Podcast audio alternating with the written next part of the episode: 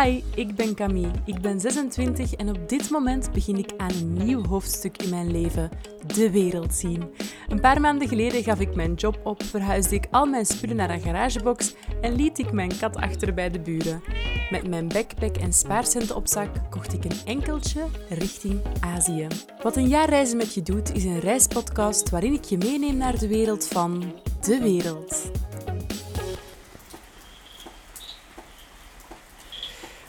Hallo iedereen. Amai, hoort dat hier eens gaan, zeg? Ik had mij er net helemaal klaargezet. Ik had lekker gedoucht. Ik was buiten op ons balkon gaan zitten. En het is ineens keihard beginnen regenen. En regen is gewoon keigoed. Love it. Supergoed voor de aarde en al. Maar uh, ik ben bang dat het net iets te overheersend zal zijn als ik de hele aflevering zo ga opnemen. Dus ik ga even wachten tot het weer over is en dan uh, begin ik eraan. Maar misschien laat ik jullie wel nog even meegenieten.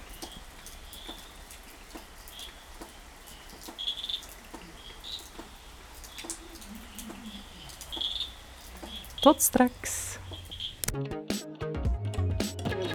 Hallo, welkom terug. Het is intussen al de volgende dag, um, want het is nog steeds aan het onweren en aan het regenen. Al is het nu even gedaan, dus ik denk dat ik uh, dit veilig kan opnemen.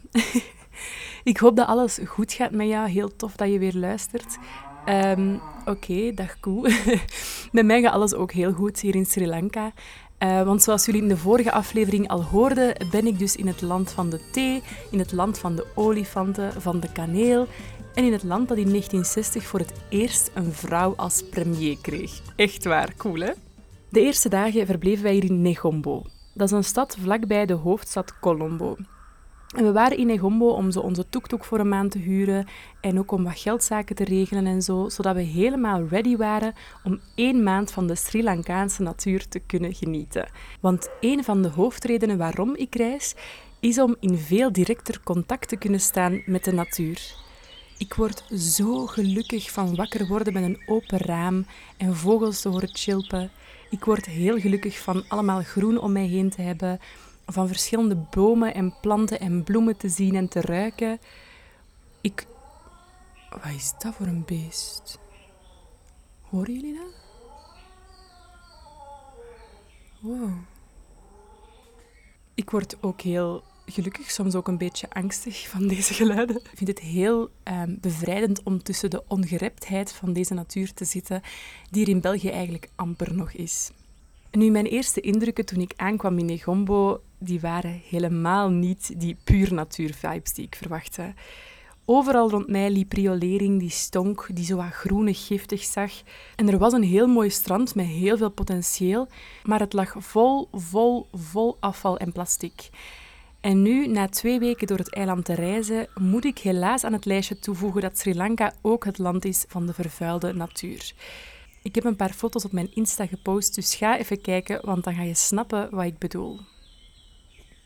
Nu, ik focus op deze eerder negatieve indrukken omdat het mij heeft gezet tot het topic van deze aflevering en ook iets dat mij heel nauw aan het hart ligt, namelijk onze planeet. In Wat een jaar reizen met je doet, bespreek ik wat een jaar reizen met mij doet, obviously. En uh, qua klimaatbewustheid en ecologie geeft reizen mij vaak een verward gevoel en nogal een schuldige nasmaak in de mond of zo. Waarom? Wel, omdat ik al jaren mijn best doe om zo groen mogelijk te leven. Ik probeer zoveel mogelijk tweedehands te kopen. Ik probeer te letten op de grondstoffen die ik verbruik. Ik probeer te sorteren en mijn afval te beperken. I mean, how could you not try your best today? Ik leef dus al heel lang milieubewust. En dan beslis ik zomaar om een jaar te gaan wereldreizen. How dare you!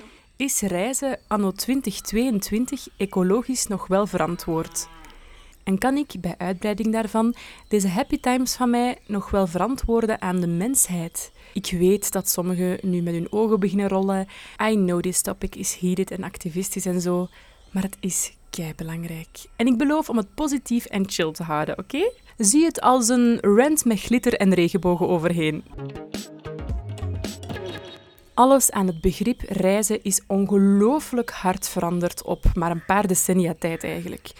De mogelijkheden om ons te verplaatsen zijn letterlijk in een stroomversnelling gegaan.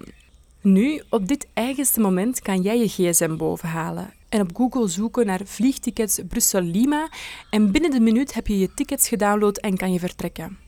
Je hebt dan nog de keuze gehad tussen routes van 18 uur met één overstap of routes van 28 uur met twee overstappen. En uh, uit gemakzucht heb je toch maar 100 euro meer betaald voor die van 18 uur. Want that's how we roll, right? Ik lees altijd vol verwondering zo van die historische romans waarin mijn personages wekenlang onderweg moeten zijn om op hun bestemming te geraken. Uh, in het boek dat ik bijvoorbeeld nu lees, zoekt een Britse vrouw na de Eerste Wereldoorlog een nieuw leven in Australië. Ze laat dus een boottocht van twee of drie weken tussen haar en alles wat ze kent. En ze heeft het dan over het feit dat zij in eerste klas mag reizen, maar ook doodziek is, terwijl de meeste reizigers in derde klas zitten. En die derde klas niet meer is dan een paar barakken waarin ziektes broeien, het warm is en het stinkt. Zoiets vind ik echt ongelooflijk om over na te denken. Hè. Ik kan het mij eigenlijk niet meer voorstellen. Want hoe wij vandaag reizen, Tja, daar komen terecht de boze Greta's voor op straat. Het is vanzelfsprekend en doodnormaal om een vliegtuig te nemen en jezelf in een luxueuze stoel te proppen met een kussen in de nek en een deken over de voeten, om dan met een drankje en een snack een film te kijken.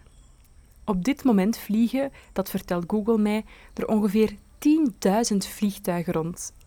Dus als je naar boven kijkt, weet je dat er op dit moment 10.000 vliegtuigen gemiddeld in de lucht hangen. Dat is toch maf? En ik durf te wedden dat er meer lege zetels zijn dan volle op dit moment. Wij betalen zoiets van een 500 euro voor een lange afstandsvlucht naar Azië. En er zaten misschien 30 mensen op onze vlucht of zo. Nu, als ik verder nadenk en research over de impact van één vlucht alleen en de uitlaatgassen die daarbij worden gelost, dan, uh, dan word ik redelijk depressief. En dan denk ik, what the hell am I doing? En dan denk ik ook verder. Hè. Dan denk ik, oké, ik wil meer van de wereld zien, ik wil andere culturen leren kennen, ik wil naar Azië om tijd voor mezelf te nemen. That's what I'm doing. En in stilte vervloek ik mijn egoïsme dan. Want mijn wereldreis doet het klimaat en onze aarde geen deugd. Alleen maar slecht eigenlijk. Maar in de rol van die slechterik tussen haakjes wil ik je wel proberen uitleggen hoe ik, eens ik uit die afschuwelijk vervuilende luchtmachine ben gestapt, er als toerist wel alles aan probeer te doen om zo groen mogelijk te reizen hier. Ik vind dat eigenlijk ook je verantwoordelijkheid als toerist. Keeping it green on your travels dus. Als je groener wil reizen naar een heel ver land, kies dan voor één lange afstandsvlucht in plaats van twee of drie vluchten die elke keer opnieuw moeten opstijgen en landen en daarbij meer uitstoot vrijgeven. Binnenlandsgrenzen kan je dezelfde afstand meestal wel per boot of met de bus afleggen. Ik weet dat het vaak lange reizen is en soms zelfs meer kost dan een vliegtuig, maar als je de tijd hebt en slow travelt zoals ik, dan is het wel de moeite waard om dat te proberen. Ik heb trouwens zelf amper spijt van die keuzes, hè, want boten, bussen en treinen die nemen jou vaak langs minder toeristische plekken en supermooie natuur. Plus, je reist echt zoals de locals tussen de locals. En dat is ook wel een ervaring. En dan heb ik het niet enkel over Azië bijvoorbeeld, maar ook over steden als Londen en Madrid. Het geeft je een totaal andere vibe om tussen de stadsmensen die er zelf leven te zitten dan geïsoleerd in een taxi. Toch?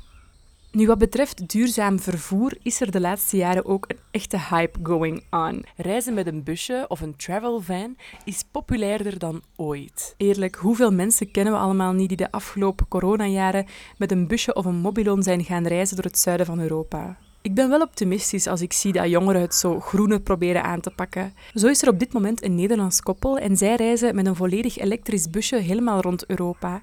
En zo willen ze kijken en checken of ze met hun auto overal ja, kunnen reizen, of ze die overal kunnen opladen en welke landen het al goed doen op gebied van hernieuwbare energie. Uh, ze zullen die routes dan ook uitstippelen, um, zodat andere groene reizigers die kunnen volgen en zo. Ik vind dat mega cool en dat is ook zeker iets wat ik ooit wil doen. Maar natuurlijk heb je wel eerst al die centen nodig om dat elektrische busje in orde te maken en te kopen. Nu, als je de keuze en het geld hebt, kies dan voor een verblijf, dus een hostel of een Airbnb, die letten op hun verbruik. Soms kan je al online lezen of dat het hotel lokale producten gebruikt of bijvoorbeeld draait op zonne-energie. In Nepal logeerde ik ooit een paar dagen in een eco-hostel vlakbij een nationaal park En uh, bijna alles in dat hostel was gemaakt uit hout. Ja, onze wc moesten wij met zaagsel doorspoelen, zeg maar. Er waren ook ecologische zeep en shampoos beschikbaar. Dat is sowieso veel beter dan het zoveelste resort steunen, waar ze elke dag je handdoeken wassen en liters water verspillen voor fonteinen en zwembaden. De natuur is er voor ons om van te leven en om van te genieten. Maar op zoveel plekken ter wereld wordt ze momenteel uitgebuit. I know Bella. Bella blijft loeien hier. Onze natuur wordt uitgebuit door fabrieken, door landbouw, maar ook door toerisme. En ik vind het zelf heel belangrijk om daar altijd op te letten. Ik trap nooit een dier of een insect dood. Ik laat ook nooit iets van afval achter. Dat lijkt voor veel van ons misschien heel obvious, maar geloof mij, dat is het niet. Ik zie op heel veel plekken nog bergen afval liggen. Er zijn hier ook gewoon echt kei weinig vuilbakken op straat. Af en toe probeer ik dan zo een plastic flesje of zo mee te nemen dat ik rond zie slingeren. Maar soms zijn daar zelfs tien vuilzakken voor nodig. Dus dat, dat lukt gewoon niet. Voorbeeldje. Onlangs nam ik de trein in Sri Lanka. Dat is een heel bekende treinrit, omdat de trein traag langs prachtige valleien rijdt, vol met theeplantages. En je kan ook uit de deuren en de ramen hangen, want die zijn open. Um, en dat is dus echt een fantastische ervaring. En in die trein zijn drie klasses. Je hebt dus een eerste klasse, dat is een heel chique klasse met airco aan en gesloten deuren. Dan heb je een tweede klasse waarin de ventilators staan en deftigere zetels. En dan heb je de derde klasse, de goedkoopste klasse, waar dus eigenlijk alles open staat en er nogal ja, gewone stoelen staan. Nu, omdat ik natuurlijk vrij laat was aan het ticketbooth, kon ik enkel nog die laatste klasse nemen. Op zich leuk, want ik zat tussen de lokale bevolking, of ik stond tussen de lokale bevolking in het begin. Maar het was ook heel confronterend, want tijdens die rit die vier uur duurde, zag ik letterlijk hoe de locals gewoon hun plastic flessen en hun plastic verpakkingen door het raam naar buiten gooiden in die theevelden en in die valleien. Ik heb hier een paar dagen geleden ook even paard gereden en dat was echt een surreële omgeving gewoon. Online had ik gezien dat je met het paard langs een meer kon en door de velden trok en zo. Superleuk, dacht ik. Maar in de realiteit moest ik met mijn paard door allemaal stukken land lopen waar het afval overal verspreid lag. Er stond ook ergens zo random kermismuziek op en overal rond mij liepen mensen met hun paard en, en, en speelden kinderen en waren families aan het picknicken en zo. En zij zagen de afval gewoon letterlijk niet meer. Voor hen was het de normaalste en de mooiste omgeving om op zondag met de familie te komen picknicken. Als je hier onderweg met de tuk rijdt, dan ruik en zie je ook overal vuurtjes waarin mensen hun plastic en afval opbranden. Ze, ze gooien hun lege chipszakken daarin, bananenschillen, hun lege flessen en dan branden ze dat op. En daardoor ruikt het toch wel altijd een beetje giftig hier. Als je ooit in dit deel van Azië bent geweest, dan herinner je je misschien die geur wel. Maar dat is echt niet aangenaam. Dat is ook heel schadelijk. Ik zet hier zelfs een mondmasker op voor die assen in plaats van voor corona. Ik heb mij ook al zoveel geërgerd aan zo die luide muziek of lawaai maken in de natuur. Just don't, people. Ik erger mij ongelooflijk als ik op zee bootjes zie dobberen waar de boksen doorknallen. We hebben hier al gidsen gehad die vol een bak hun playlist op Spotify opzetten als ze vlakbij een natuurreservaat zijn met vogels of, of boven vissen. Like, alsof wij het recht hebben om alle dieren weg te jagen. Uit al die voorbeelden kan je dus mee concluderen met mij dat de mentaliteit om de natuur zo weinig mogelijk te schaden er in heel veel delen van de wereld nog niet is. En that's where it all starts, natuurlijk. Nu, ik weet heel goed dat ik daar met een westerse bril naar kijk. En ik neem de gewone mensen hier ook niks kwalijk of zo. Die sensibilisering die moet echt wel meer van bovenop komen. En net zoals bij ons op school beginnen, op de speelplaats, dat je gewoon uh, niks mag weggooien. En ik ben er ook wel zeker van dat, dat, dat die ja, sensibilisering en dat bewustzijn dat het er gaat komen, uh, ook in het onderwijs. Maar naar mijn gevoel gaat dat gewoon nog heel traag en het is gewoon ook heel pijnlijk om te zien. I'm sorry for the rant, dat moest even. Maar on a positive note, gelukkig merk ik wel dat er op de meer toeristische plekken heel veel aandacht is gekomen voor het milieu en het klimaat. In sommige landen geven ze al helemaal geen plastic zakjes meer, maar moet je van die katoenen geweven zakken kopen. En uh, in heel veel nationale parken hangen bordjes met vuilbakken en zetten ze zelfs guards in om alles goed in het oog te houden. En er zijn letterlijk werknemers wiens enige job het is om afval op te rapen en weg te gooien. Onlangs mochten we als een van de eerste toeristen sinds drie jaar uh, een bezoek brengen aan Maya Bay. Dat is een baai aan de Phi-eilanden in Thailand die wereldberoemd is geworden door de Hollywoodfilm The Beach. Um, die is met Leonardo DiCaprio. Ik weet niet of je die ooit hebt gezien. Um, nu, de Thaise overheid die besloot om drie jaar geleden die baai af te sluiten, omdat er door de overrompeling van toeristen nog amper dieren en vissen in die baai leefden. Die waren eigenlijk allemaal weggejaagd. En nu, na al die jaren geen toerisme meer, zie je weer kleine haaien tot aan de kust zwemmen en is de biodiversiteit zich stilaan aan het herstellen. Je mag er dus weer chillen, je mag er tot rust komen, maar zwemmen is verboden, zodat je eigenlijk kan genieten van de natuur, maar niet per se de natuur schaadt of zo. Ik weet ook dat tijdens de trekkings die ik heb gedaan, de gidsen altijd extra aandacht hadden uh, voor hoe wij als toeristen omgingen met fauna en flora. En ik ben er dus wel heel optimistisch in dat de natuur niet per se moet lijden door toerisme ter plekke en dat het dus wel echt goed kan gaan. En dan is er nog iets waar ik heel erg op probeer te letten, namelijk het gebruik van plastic. Maar helaas, het is echt kei, kei, kei moeilijk om plasticvrij te reizen, zeker in Azië. Het is iets waar ik mij al zo hard aan stoorde en dat nog zo ingebakken zit in dit Aziatische systeem. Maar als ik in een bar een orange juice bestel, dan komen ze aan met een plastic beker met een plastic rietje. Come on guys, ik ga, doe geen takeaway of zo, ik blijf gewoon zitten. Waarom moet dat plastic zijn? Ook als je hier naar de grotere supermarkten gaat, dan zie je alleen plastic, plastic, plastic. Zelfs appels en croissants worden per stuk in plastic folie gerold. Nog veel erger dan in Albert Heijn, trust me. En ook al hebben ze eetkraampjes op straat met lekker en goedkoop eten, tot nu toe hebben we dat eten altijd in plastic verpakkingen gekregen. Sommige hotels doen hier zelfs je was en verpakken daarna elk kledingstuk apart in een plastic folie. Nu, ook hier speelt mijn schuldgevoel mij parten, maar ik moet dat loslaten. Want als ik naast mijn heerlijke verse kokosnoot ook een sapje wil drinken op het strand, is dat nu eenmaal de enige manier. Heel soms krijg je misschien een ijzeren rietje of een bamboe rietje of een bord van bananenbladeren, maar het is nog altijd zeldzaam. Zeeblokken gebruiken in plaats van plastic flessen met chemische stoffen in. Korte douches nemen, herbruikbare zakken meenemen als je naar de winkel gaat. Het is niet omdat je te gast bent in een ander land dat je al deze principes overboord mag gooien of zo.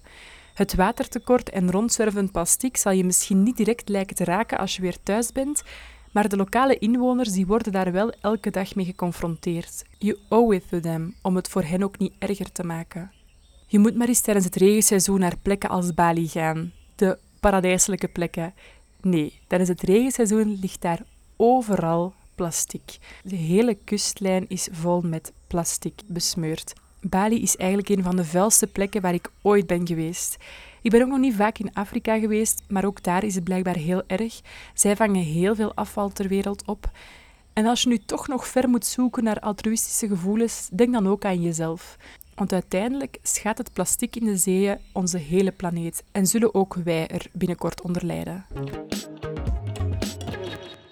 Hoe groen ik ook probeer te zijn, het lukt mij gewoon niet om alles goed te doen. Zeker niet hier in Azië met het budget dat ik momenteel heb. Als consument hebben we altijd macht, maar onze macht is beperkt. Ik kan de uitstoot van vliegtuigen niet controleren. Ik kan niet checken welke chemicaliën hotels of shoppingcentra gebruiken.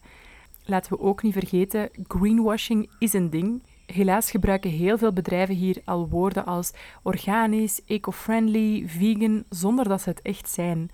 TripAdvisor staat vol met valse eco-shit. Het kan dus ook soms moeilijk zijn om te controleren aan welke organisaties, hotels en mensen je juist je geld geeft. Maar hey, het is ook oké om daar niet elke minuut van de dag mee bezig te zijn en om te beseffen dat je rol als consumer hierin ook limieten heeft. De dingen die ik er aanhaal blijven heel oppervlakkig, but it's a start. En als tien luisteraars al iets meenemen uit deze aflevering, dan zijn we al beter bezig. And to do better is a good start, right? Travel story, travel story, travel story time. Jij en ik, wij allemaal, we zien op het internet en socials heel veel fotoreeksen passeren van drijvend plastic op Antarctica, afvalbergen vol versleten kleren ergens in een woestijn of olielekken aan een of andere kust. We zien deze beelden zo vaak dat ze al bijna even weinig impact op ons hebben als een random advertentie. Ik heb drie jaar als journalist op een nieuwsredactie gewerkt, waar ik dus via zo'n beelden toch steeds aandacht probeerde te vestigen op dit probleem. Maar uh, het is soms alsof we gewoon niet leren uit alle rampen die al zijn gebeurd, terwijl de natuurdocumentaires waarin zoveel moeite en research zitten blijven komen, laboresultaten en rapporten blijven binnenkrijgen. En reizen duwt je op dat vlak nog eens op een andere manier dik met je neus op de feiten. Ik heb al veel gesnorkeld op reis en bijna elke freaking keer kom ik boos het water uit. Op de Gili-eilanden twee jaar geleden ging ik snorkelen in een periode waarin er heel veel zeeschildpadden waren. En ik kon dus gewoon boven aan het wateroppervlak blijven drijven. En onder mij waren er gewoon echt giant zeeschildpadden rustig aan het viben en aan het zwemmen en aan het stappen zo. En uh, ik vond dat kei mooi. En, en ik zag hoe de zeeschildpadden op zoek gingen naar een klein beetje zeegras en algen. Maar ik zag ook hoe moeilijk ze het hadden om dat te vinden. Het koraalrif dat er ooit zo mooi moet hebben uitgezien, was bijna weg. Het was afgebroken, grijs, afstervend en lag vol met afval. En ik zag die schildpadden gewoon happen hè, naar het plastic tussen dat koraalrif. Ze waren dus echt op zoek naar gras tussen het afval. En dan bedacht ik mij hoe vaak ze effectief zo'n stuk plastic opeten en inslikken als ze echt geen ander voedsel vinden. I'm just gonna leave it here. Meer verhalen heb ik vandaag niet nodig om mijn punt te maken, denk ik. De reistip van vandaag is. Um, ik heb eigenlijk het gevoel dat heel deze aflevering al draait rond tips of zo. Um, dus nu om één grote reistip te noemen. Ik denk dat het hier misschien de juiste plek is om te verduidelijken dat duurzaam reizen niet enkel om je ecologische voetafdruk draait, maar ook om de mensen. Het lijkt misschien evident of zo, maar misschien is het dat voor sommigen nog niet. Als je duurzaam reist, betekent dat je de omgeving waarin je bent, dat je die respecteert en dat je die ten goede beïnvloedt, in plaats van er schade aan berokkent. En bij die omgeving horen sowieso mensen die al heel hun leven bepaalde gewoontes hebben, die zijn opgevoed met bepaalde waarden en normen, die sociale codes hebben. En duurzaam reizen betekent dat jij als toerist daar oog voor hebt en respect. Als je ziet dat iedereen zijn schoenen uitdoet om ergens binnen te gaan, doe dat ook. Als je ziet dat mannen jou als vrouw geen hand willen geven, forceer dat ook niet.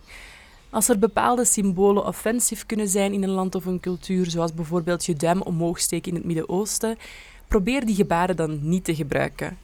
Luister vooral naar de locals en respecteer hun grenzen en vooral vraag iets als je dat niet weet. Meestal leggen ze jou dat met plezier uit. Nu, soms is het heel moeilijk om als toerist alles te zien en om je daarbij een houding te geven. Ik heb het bijvoorbeeld heel moeilijk met bedelende mensen onderweg. Uh, ik heb het al moeilijk om dat te zien in Brussel of Antwerpen, laat staan in het buitenland, waar de armoede nog veel meer aanwezig en ook zichtbaarder is. Uh, want sommigen zeggen geef ze geld, anderen zeggen geef ze geen geld, maar geef ze iets te eten. Nog anderen zeggen van ja, oké, volwassenen mag je wel iets geven, maar let op bij kinderen. Want het is zo wel bekend dat in sommige landen bedelende kinderen erop uit worden gestuurd door smokkelbendes. En uh, als ze niet genoeg geld meebrengen s'avonds, dat ze dan mishandeld worden.